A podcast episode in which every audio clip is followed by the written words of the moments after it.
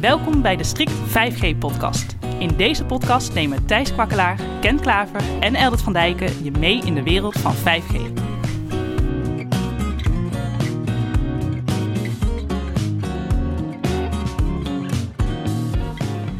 Dit is de Strict 5G-podcast. Ik ben Thijs. Ik ben Ken. En ik ben Eldert. In de derde podcast hebben we het ook al gehad over indoor. Over de verschillen van uh, indoor dekking en wifi. En hoe je dat zou kunnen aanpakken en het kostenaspect daarvan. Want ja, als je 5G binnendekking wil hebben, dan is dat zeker met een nieuwer gebouw echt wel nodig om te zorgen dat je daar ja, toch wel wat regelt. Want uh, de straalantenne van buitenaf, die gaat niet zo makkelijk naar binnen.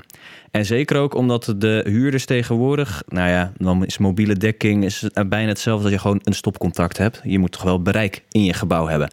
Dus vandaag gaan we daar ook een klein stapje dieper op in. Maar heel even kort voor de luisteraar die uh, uh, niet de hele podcast wil luisteren. De derde in elk geval. We hebben het kort gehad over actief-passief. Wat is ook weer het verschil? Dat heeft te maken met de architectuur en de opbouw van zo'n systeem. Uh, passief DAS bestaat het, uh, het indoor netwerk voornamelijk uit, uh, uit coaxkabels. Dan heb je zendapparatuur centraal staan. En met coaxkabels wordt het signaal dan verspreid door het gebouw naar antennes toe. En de antennes zenden dan het signaal uiteindelijk uit. En actief DAS zou je veel meer kunnen vergelijken met een wifi-achtig netwerk... waarbij je actieve zenders hebt die via glasvezel of ethernetkabel worden, worden gevoed. En als je dan hebt over hybride, dan heb je het eigenlijk ook over die combinatie daarvan. Dat zou een combinatie van die twee kunnen zijn. Wat je wel eens ziet, een beetje afhankelijk van de toepassingen. Uh, we hebben natuurlijk ook C2000 en portofoniesystemen die over dassen gaan. Die worden in sommige gevallen ook er buiten gehouden. Die worden op een passief das gezet. En operator frequenties uh, zouden ook op een actief, uh, of, of veel beter op een actief das kunnen. Oké, okay. want we zien dus ook al wel dat er steeds meer voorkeur is vanuit de operators om zo'n actief das te doen als het gaat om 5G. Waarom is dat? Ja, er zijn verschillende dingen voor te noemen, maar er zijn ook verschillende actieve DAS. Op het moment dat een operator zegt ik wil graag een actief DAS doen, dan bedoelt een operator eigenlijk ik wil graag alle spullen leveren. En op het moment dat je een DAS zelf bouwt met actieve componenten, dan is dat uh, uh, over het algemeen toch net qua architectuur uh, iets anders. Dus dat onderscheid wil ik even maken. Maar als je inderdaad vraagt van nou wat wil een operator graag met, met 5G, dan zegt men eigenlijk voor alle nieuwe diensten waar hoge bandbreedtes voor nodig zijn dat zit op een hoger frequentiebereik. En dat frequentiebereik is heel moeilijk door een passief netwerk heen te krijgen. Daarnaast is het grote uh, verschil wat 5G uh, vooral zijn snelheid uithaalt, is veel parallele antennes. En dat noem je MIMO, dus massive, of multiple in, multiple out. En heel vaak in de massive uitvoering, waarbij we ja, bij ons bij Strict hebben ook een zender staan met 64 antennes. Dus heel graag wil men naar 32 of 64 antennes. En uh, als je de, de nieuwste spullen uh, uh, ziet, dan zitten daar zelfs al 192 antennes in. Dus dan probeert men met heel veel parallele antennesignalen, haalt men met name die hele hoge gigabit snelheden. En een DAS wat normaal is aangelegd, heeft eigenlijk maar één antennepad. en dat noem je dan CISO, single in, single out. En MIMO is dan eigenlijk gelijk al een 2 keer 2 MIMO, dat je twee dassen naast elkaar aanlegt. Dat zal best wel veel, uh, veel kosten dan. Eigenlijk worden de kosten bijna dubbel zo hoog. Er zijn maar heel weinig panden die dat hebben, Ken. Ja, um, inderdaad. Een voorbeeld is op Schiphol. Daar is het uh, zogenaamde QI aangelegd. Common Use Wireless Infrastructure. Dat is een 2 keer 2 MIMO-netwerk. Uh, in alle passagiersgebieden, met name in de kantoren. En in de kelders, waar eigenlijk veel minder verkeer wordt gegenereerd, heb je niet zo hoge bandbreedte nodig. Daar kan je met CISO volstaan. Dus in de bagagekelders is daar een CISO-netwerk aangelegd.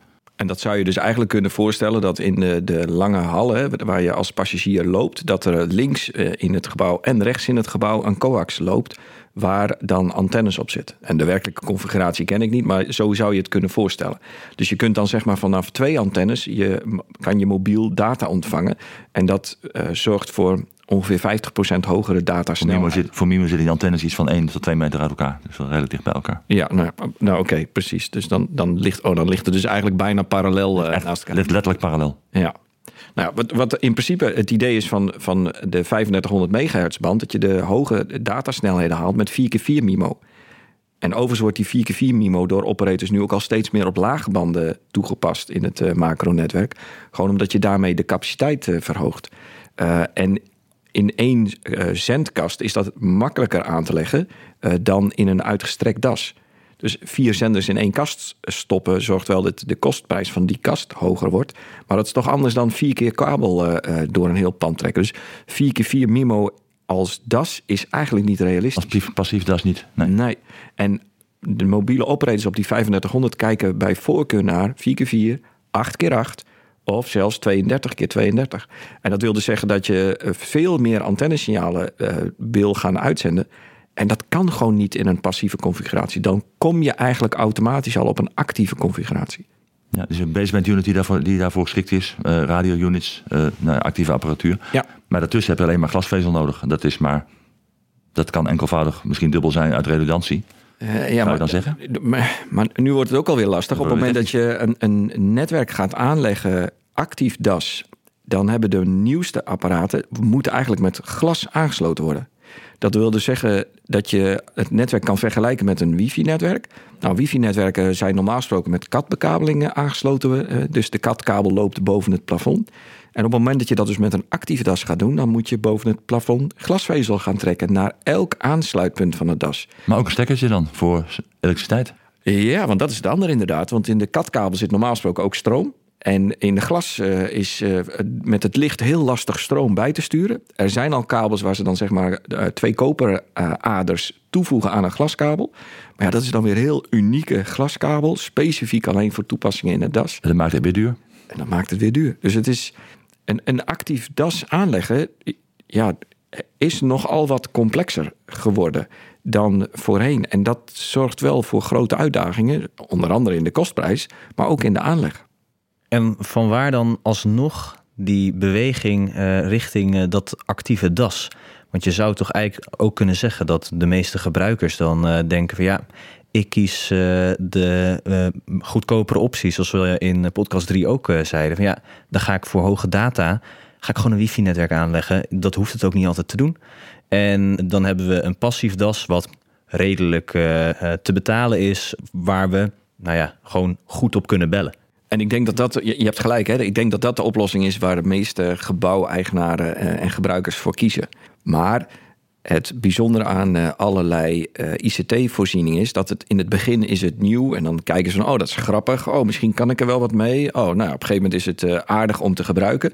Dus dan is het nice to have en dan op niet al te lang daarna wordt het vaak niet to have. En dat zien we ook met wifi-netwerken. In ziekenhuizen wordt dat heel veel gebruikt voor zorgalarmering. En op het moment dat je wifi het niet doet, heb je dan meteen dus een probleem in je medische zorg. En dat is, uh, dan begint het echt heel snel vervelend te worden. Uh, dus we zien ook veel ziekenhuizen ervoor kiezen dat ze zeggen: Nou, ik wil ook niet van één technologie afhankelijk zijn. Dus precies wat je zegt, dus dat er wel een wifi-netwerk is, maar dat men bij voorkeur ook een publiek net of een, een privaat net achter de hand heeft voor de, uh, als het primaire systeem uitvalt. En het blijft gewoon techniek. Het gaat een keer stuk. Kijk, en wifi is natuurlijk ook, nou ja, dat hebben we ook in de vorige podcast al gezegd, van uh, wifi is natuurlijk onbeschermd spectrum. Dus de frequenties die je gebruikt, die worden ook door andere toepassingen gebruikt. En zeker in ziekenhuizen voor industrial, medical en uh, scientific toepassingen, zeg maar, ISM. Hè, dat is uh, die, die 2,4 en 5 gigahertz band. Dus je hebt geen garantie dat, die, dat dat spectrum ook schoon is, zal ik maar zeggen. Hoewel, oké, in een indoor oplossing, in een indoor situatie is het misschien iets beter dan, dan buiten. Maar je hebt altijd mogelijkheden van, van verstoringen. Terwijl als je een private 5G of een eh, 5G-oplossing zou hebben, uh, dan heb je in ieder geval gelicenseerd spectrum. Dus dan kan je ook aanspraak doen op, als die, uh, op, op handhaving, zal ik maar zeggen, als die frequenties verstoord zouden worden. We hebben hier ook dat ook hier de 3,5 gigahertz band weer meespeelt. We hopen dan toch echt ook dat dit jaar in Q4 die, die veiling ook gaat plaatsvinden. Maar wat doet die 3,5 gigahertz dan met de indoor? Ja, daar refereerde Ken eigenlijk al een klein beetje aan in de beantwoording van zo net. Als je een, een private 5G-netwerk gaat aanleggen in een gelicenseerd deel van het spectrum, dan wordt dat 3500 megahertz. En buiten kun je met een redelijk zendvermogen wat daarin is toegestaan, behoorlijke bedrijfsterreinen van dekking voorzien. Indoor is de uitdaging toch wel behoorlijk groot. En op het moment dat je niet zulke hele hoge eisen stelt aan de datasnelheid, zou je misschien met een passief DAS CISO dus redelijk vooruitkomen. Uh, volgens berekeningen, als je 50 megahertz spectrum, want daar praten we over wat je straks mag licenseren als private gebruiker. Met 50 megahertz spectrum en een goed radiosignaal kom je ongeveer op 200, 300 megabit per seconde als je een CISO-configuratie gebruikt.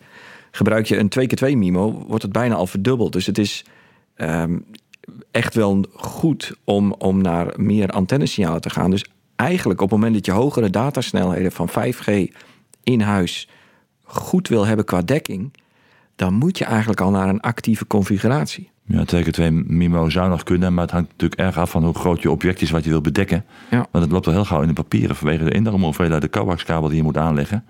En plafonds moeten open en weet ik het allemaal. Dus natuurlijk een enorme, ja, het moet sowieso open voor die eerste coaxkabel, maar in feite wordt die infrastructuur verdubbeld. Ja, ja absoluut. Dus het, een, een, een private 5G-netwerk indoor aanleggen, daar zie ik nog wel wat uitdagingen. Want eigenlijk moet je dan naar een 4x4 of een 8x8 hè, om, om goede datasnelheden te halen. En bij voorkeur op het moment dat je zoiets aan het bouwen bent, wil je dan ook gelijk de datasignalen van de, of de radiosignalen van de mobiele operators meenemen.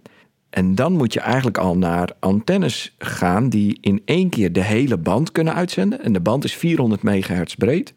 Die zenders zijn er nog maar heel beperkt. Voorheen was 20 megahertz uh, de norm. Dat is met 5G al opgerekt naar 100 megahertz. Dat is voor uh, de elektronica-bouwers al een behoorlijke uitdaging geworden. En nu zou je dan bij voorkeur naar 400 megahertz willen gaan. Dus dan moet het nog weer vier keer zo breed spectrum zijn. En dat maakt ook wel dat die apparatuur, die, die wordt nu volop ontwikkeld. Maar het is nog wel uh, ja, echt state-of-the-art spullenboel die je dan gebruikt. En dan zou je wel een configuratie hebben dat je zegt... nou, ik ga wel veel geld uitgeven aan een 3,5 gigahertz DAS... maar ik heb dan wel in één keer alle mobiele operators... en een signaal voor mezelf daarop zitten. En als je dan die combinatie kan maken... kan zo'n investering wel uit kunnen. In ieder geval waarschijnlijk sneller dan dat je het maar voor één doel uh, gaat gebruiken. Ja, ik zie uh, natuurlijk nu, omdat vanaf 2023 alle gebouwen een minimaal energielabel moeten hebben, uh, dat het binnenbereik nu nog harder achteruit zal gaan dan, dan dat het al was. Want als je in een wat minder goed geïsoleerd pand zat, nou, had je, kon je binnen eigenlijk nog best wel goed internetten met de mobiele dekking. Want ja, je had nog geen HR glas. Met uh, goudfolie erop en zo. Wat is ja, vreselijk denkt het buitenaf. Ja, dus niet dat... alleen het glas, maar ook de andere materialen zijn natuurlijk allemaal super duurzaam. En houden daarmee ook allemaal uh, radiosignalen tegen. Ja, dus wat zouden jullie dan zeggen van joh, de, hè, er, er wordt verbouwd en worden bijvoorbeeld nieuwe ramen ingezet om aan dat energielabel te voldoen. Hoe moet je dat nu dan gaan aanpakken met, met die indoordekking? Nou, als je niks doet, weet je zeker dat je een probleem hebt. Dat is eigenlijk de conclusie die heel makkelijk te stellen is. Dat zien we ook bij de nieuwbouwplannen. En ik, en ik spreek daar verschillende mensen over. Die zeggen allemaal: het is vaak in het bestek moeilijk om een DAS-configuratie mee te nemen. Vooral als de kosten uh, problematisch zijn. Nou, in deze tijd uh, zijn er heel veel uh, bouwmaterialen flink duurder geworden. Dus het hele bestek en de kost van een gebouw staan meestal al enorm onder druk. En als je dan zegt, ja jongens, by the way, je moet echt dat DAS ook meenemen. Hè, dus reserveren voor een groot complex een paar ton voor het DAS. Ja, dat past vaak lang niet meer in het, uh, in het budget voor het bouwen van het complex. Terwijl het toch eigenlijk een soort commodity zou moeten zijn, zoals gas, water en licht. Ja. Exact. Je kunt ook niet zeggen van nou, ik, uh, ik leg geen gas aan. Nou, dat kun je ondertussen ja, wel zeggen. Wel, hè? Ja. Maar uh, je kunt niet zonder waterleidingen of zonder elektriciteitsvoorziening. En eigenlijk moet je ook concluderen, je kunt ook niet meer zonder een, een antennesysteem. Want misschien dat jij het nog wel redt, dat je denkt, oh, ik doe alles wel op de wifi. Maar op het moment dat je 112 wil bellen, dan is het toch heel lastig om dat via wifi te doen. En dan is het plotseling wel een probleem. Dus het, zonder publieke netwerken, mobiele dekking, is gewoon niet wijs. Het, kun je gewoon niet maken eigenlijk. Je bedoelde net uh, met die uh, 3500 megahertz dat je dan eigenlijk met een antenne die nu nog niet zo heel erg veel beschikbaar is, het hele spectrum moet, moet bedienen. Uh, daarmee zeg je eigenlijk dat je gewoon ja, iedereen koppelt en maar één antenne nodig hebt. Je hebt eigenlijk een soort neutrale antenne. Ja, en, en dan je zegt dat heel leuk, want dat is inderdaad wat Neutral Host ook beoogt. Uh, dat is in Engeland in de markt al heel gebruikelijk. Dat je eigenlijk één DAS-infrastructuur aanlegt. En dat daar automatisch de signalen van meerdere operators op zitten. En in podcast 3 hebben we er ook best wel bij stilgestaan van hoe lastig het kan zijn om mobiele operators op je DAS in te koppelen. En uh, vooral voor gebouwen die nog niet zo vreselijk groot zijn, maar waar je het wel belangrijk voor vindt, dan hebben de operators zoiets van, nou, moet ik dat wel of moet ik dat niet? Kan het wel uit? En op het moment dat je dan zeg maar met een neutral host partij aan de slag kan, waar de operators allemaal zijn ingekoppeld in het datacenter van die neutral host partij, en je eigenlijk alleen een glasvezelverbinding met IP-dataverkeer vanaf dat datacenter van de neutral host naar je gebouw moet brengen, dat is niet zo spannend. En dan zou je eh, met een aantal nodes die je aan je plafond uh, laat hangen, uh, het signaal in één keer kunnen hebben van al die mobiele gebruikers. Ja, dat is voor zo'n objecteigenaar ook ideaal. Weet je, die hoeft alleen maar met de neutral host partij te onderhandelen. Je hoeft niet aan al die mobiele operators de gebouwtekeningen te verstrekken, vragen te beantwoorden. Die zorgen neemt eigenlijk de neutral host partij allemaal uit handen. Exact. En de neutral host partij onderhandelt met de operators over de inkoppelvoorwaarden en de technische specs. En dat is meestal al centraal geregeld, waardoor ook je, je doorlooptijd een stuk beperkter kan zijn. Hè? We, we, hebben dat eerder ook genoemd. Je doorlooptijd met een mobiele operator is zo zes tot negen maanden voordat de inkoppeling geregeld is. En op het moment dat er een, een, gebouw gemoderniseerd wordt en men dan tot de ontdekking komt dat je echt een oplossing nodig bent. En, en je moet dan aan de directie gaan uitleggen dat het volgend jaar pas klaar zal zijn. Ja, daar scoor je geen punten. Dus op het moment dat je dan zeg maar een indoor of een uh, oplossing kan halen bij een neutral host partij, waarbij je belt en zegt: Nou, zou je voor mij de boel willen ophangen? Dan moeten misschien wel wat apparaten besteld worden. Maar met een, binnen een paar maanden moet dat echt opgelost kunnen zijn. En dat is al een heel andere uh, perspectief dan dat je moet zeggen: Ja, 2023 gaat het niet worden. Dus dat is wel iets waar uh, men naar aan het kijken is. Hebben wij in Nederland al voorbeelden van neutral host implementaties? We kennen natuurlijk wel partijen die dit soort diensten leveren. Uh, eigenlijk niet. Er zijn een aantal partijen die er heel graag uh, van de wal mee willen komen. En in Engeland is het ook al heel normaal. Dus Vodafone en British Telecom en eigenlijk alle grote operators zijn daar prima in staat om een neutral host configuratie te bouwen. In Nederland is die markt toch nog wel iets anders. Eigenlijk alle operators in Nederland hebben zoiets van ja, maar hoe hou ik dan controle over de kwaliteit van de verbinding? En hoe weet ik zeker dat het wel allemaal goed gaat als jij 112 belt? Want waar weet ik dan uh, waar het gesprek vandaan komt? En het grappige in Nederland is dat ook bijvoorbeeld dit soort discussies zitten hele grote verschillen tussen de mobiele operators. Dus in, in configuraties, bijvoorbeeld in, in parkeergarages, uh, weet ik dat de ene operator zegt: ik wil per parkeergarage een direct uh, relatie hebben. Dus als iemand 112 belt, dat ik exact weet uit welke parkeergarage dat uh, noodgesprek komt. En bij dezelfde configuratie zegt een andere operator: Nou, ik schuif alle parkeergarages bij elkaar. Als iemand 112 belt, dan hebben ze altijd nog GPS of ze weten wel waar het ongeveer is. ik maak me daar niet zo'n zorgen over. Terwijl ze aan, allemaal aan dezelfde wet horen te houden. Dus ook daar is soms die technische discussie waarom iets wel of niet kan, per operator verschillend. En dat maakt de implementatie van neutral host wel heel complex. En de reden dat het in Engeland is gelukt, is volgens mij omdat daar een oud technisch directeur die bij meerdere mobiele operators heeft gewerkt, is die neutral host partij begonnen. En die heeft zijn oude collega's opgebeld. Die heeft gezegd: Ik heb dit idee. En op het moment dat die oud-collega's dan zeggen: Ja, dat kan niet. Dan zegt hij: Ja, sorry, maar mij hou je niet voor de gek. En, en zo iemand is nog niet in Nederland gevonden. En ik roep dat ook wel eens hoor tegen een mobiele operator. Zeg je: Mij hou je niet voor de gek. Maar dat wil nog niet zeggen dat ze naar me luisteren. dus eigenlijk is er voor dit moment voor de huidige eigenaren van gebouwen niet zo heel veel dat je kan doen. Behalve ja, weer terugvallen op 4G, op je passieve das en het daarbij laten. En nou ja, als je dan nog wat datasnelheid tekort komt, wifi-puntjes bij ze schroeven. Ik ben bang dat je gelijk hebt, Thijs. Ja, er zijn natuurlijk wel oplossingen te koop. Nou, er zijn een paar partijen. Dat hebben we in, in podcast 3 ook behandeld. Hè. Er zijn een paar partijen die uh, wel in staat zijn om die hele inkoppeling met de operator te regelen. Uh, waarbij je eigenlijk zegt van nou, ik heb geen zin om daar uh, tijd en geld en moeite voor te doen. Dan kun je gewoon aan, aan een aantal gerenommeerde partijen in Nederland vragen van nou, zou je dit voor mij kunnen regelen? En die zeggen nou, wij regelen het allemaal en we weten precies wie we moeten bellen bij de operator. het kost een paar centen, maar we regelen het voor je. Um, de doorlooptijd kun je dan helaas nog niet echt verkorten. Dus je kijkt dan nog steeds op een project wat maar zo anderhalf jaar duurt van begin tot eind. En meestal nog wel wat langer in de voorbereidingen als je die tijd erbij telt. Dus het is wel uh, iets ja, wat je in, in je bouwproces prima mee kan nemen. Ik ga er even vanuit dat een bouwproces van uh, toch ook al gauw uh, drie tot vijf jaar duurt van begin tot eind. En in dat proces, als je tijdig aanhaakt, kun je er ook voor zorgen dat tegen de tijd dat het gebouw wordt opgeleverd, dat het ook klaar is. Maar op het moment dat je begint, nadat je die HR drie plussen, um, hebt aangelegd. En dan pas constateert van, oh shit, we moeten iets regelen. Ja, dan, dan begint dan je doorlooptijd. En dan, dan ben je maar zo een jaar tot anderhalf jaar verder. We hebben eh, veel gehad over het aanleggen ervan en, uh, en ja, ja, het realiseren van dat DAS, passief of actief. Maar ja, daar gaat ook een hele hoop energie in zitten. Hoe zit dat dan eigenlijk? Ja, met energie bedoel je in dit geval stroom. eh, Ja. eh, dus niet alleen eh, dat je er moeite voor moet doen, maar ook daadwerkelijk dat je de stroom in moet stoppen. Exact. Ja, dat klopt. En het bijzondere aan een actief DAS is dat je op het inkoppelpunt van het actief DAS moet je dat op 1 milliwatt inkoppelen. Dus je mag niet zeg maar met, met vol vermogen op een actief DAS inkoppelen, want dan fik je de elektronica stuk. Dus wat er moet gebeuren is dat een mobiele operator zijn zenders neerzet en een mobiele operatorzender staat standaard vol gas. Want dat is de configuratie die alle zenders buiten ook allemaal hebben. En op het moment dat men ergens een additionele zender plaatst, wil men dat bij voorkeur, bij hele sterke voorkeur, exact hetzelfde geconfigureerd hebben als buiten.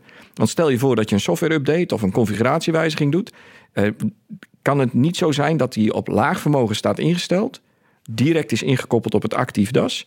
En dan wordt er s'nachts een wijziging doorgevoerd. En dan ziet iemand, hé, hey, dit vermogen klopt niet. En die zet het vermogen weer vol aan. Dan weet je zeker dat morgen de actief DAS is opgefikt. Dus men zegt eigenlijk nee, we willen het allemaal exact hetzelfde geconfigureerd hebben. Eh, want als er dan iemand een wijziging doorvoert, dan, eh, dan, dan levert dat geen risico. Met als gevolg dat je eh, twee keer 40 of twee keer 80 watt zendvermogen uit een actieve unit op één frequentie al hebt. Je dat vermogen met weerstanden eigenlijk omzet in warmte. En wat er dan uitkomt is 1 milliwatt. Nou, dat begint echt wel een uitdaging te worden. Want een configuratie voor een, een sector van een mobiele operator... waar bijvoorbeeld drie centrappen op standaard als configuratie zijn... gebruikt met gemak één 16 ampère groep. Dus 3,7 kilowatt, zeg maar. Met als eh, uiteindelijk wat daaruit komt...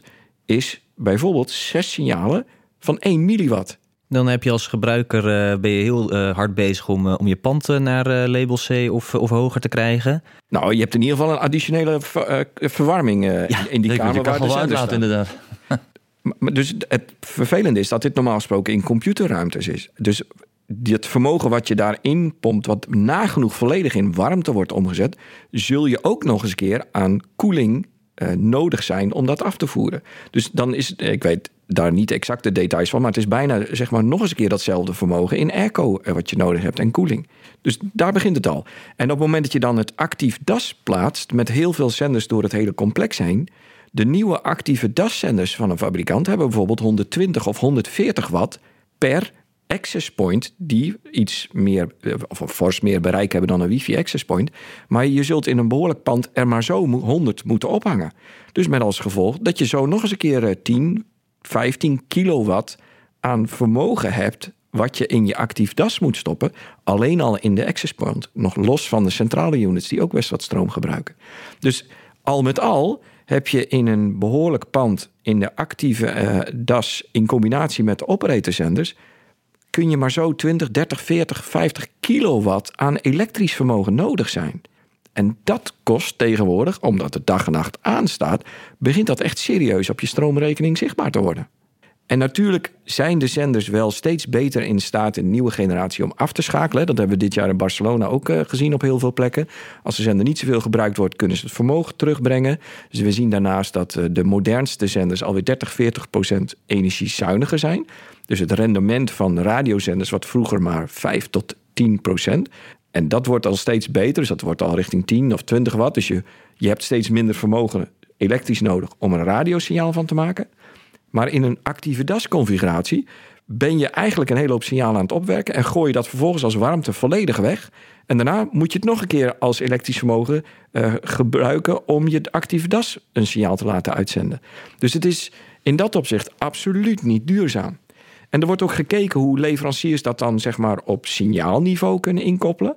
Dus in plaats van dat je van een voorversterker naar een eindversterker, naar een voorversterker, naar een eindversterker gaat, dat je de eh, middelste voorversterker en eindversterker ertussenuit haalt. Dus dat je zeg maar rechtstreeks van de eerste voorversterker koppelt op de achterste eindversterker. Alleen dan zeggen mobiele operators: ja, maar wacht even. Nu verlies ik de controle over de instellingen van mijn radionetwerk. Ik verlies controle over eh, cybersecurity, bijvoorbeeld, wordt ook geroepen. Of ik verlies controle over de kwaliteit en ik kan niet meten of mijn gebruikers wel tevreden zijn met het signaal. En daardoor zeg maar: nee, dat kan niet. Ja, technisch kan het wel. En Nokia heeft dat bijvoorbeeld al wel eh, geaccepteerd. Alleen Nokia is niet een grote leverancier van radionetwerken in Nederland. In Amerika wordt het bijvoorbeeld al wel toegepast. Dus je, er zijn oplossingen om het stroomgebruik in een actief DAS naar beneden te brengen. Alleen die, ja, gaan niet door de, de, de, eh, eh, door de technische beugel in de discussies met de mobiele operators. Dus dit zou ook echt een verbetering kunnen zijn. Uh, zeker in een neutral host-achtige configuratie. Dat je alleen het vermogen opwekt wat je nodig bent. En niet wat je niet nodig bent. 80% van het mobiele verkeer volgens BTG is in het pand. Dus als beheerder moet je er echt wel wat mee. Technisch hebben we net ook wel gezien, is er op zich wel wat mogelijk. Maar wat kan ik nu als beheerder gaan doen? Eigenlijk is het zinvol om een DAS aan te leggen wat geschikt is voor 4G en 5G. En met 5G is het waarschijnlijk voldoende als je ervoor zorgt dat mobieltjes verbinding kunnen maken. En Vodafone heeft dat al sinds het begin, bijvoorbeeld op de 1800 MHz. Daar zit hun 5G. Dat zit prima op een DAS. KPN levert 5G ook op 2100 MHz voor indoor gebruik. En dat hangt samen met het feit dat als je mobieltje buiten op 5G zit en je loopt een pand in waar geen 5G op het das zit, dat het mobieltje zo lang mogelijk op dat 5G van buiten probeert te hangen. Met als gevolg dat de ervaring van zo'n gebruiker vaak veel slechter is dan als zo'n mobieltje alleen op 4G zou staan en dat gewoon van buiten naar binnen overgaat. Dus het is wel waardevol om 5G ook op het indoor systeem te zetten, maar in feite zou je met de middenfrequenties heel ver nog vooruit kunnen qua capaciteit. Waarschijnlijk moet je wel meerdere uh, sectoren aanleggen. Dus dat je je das opdeelt in verschillende gebieden. Maar als je in elk gebied dan voldoende capaciteit houdt, kun je nog heel wat jaren vooruit.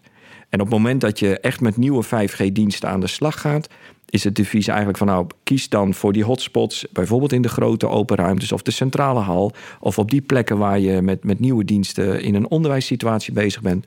Kies er dan voor om daar actief DAS op te hangen met 5G-signaal, uh, eh, wat je heel vaak goed kan combineren met het bestaande systeem, en daar uh, vanuit die ontwikkeling verder gaan. Dus voordat we echt volledig 5G met hoge datasnelheden in een groot complex nodig zijn, denk ik dat het maar zo uh, het jaar 2030 is. En in die tijd zijn er ook voldoende ontwikkelingen op de markt weer, waarbij een multi-operator DAS op hele hoge frequenties uh, breder beschikbaar krijgt. Dus die markt is nog volop in ontwikkeling. En met dat perspectief de eerste keer dat. Deze keer heb ik hem uh, meegenomen uh, voor een uh, project bij een wat groter complex, waar ook een DAS was aangelegd.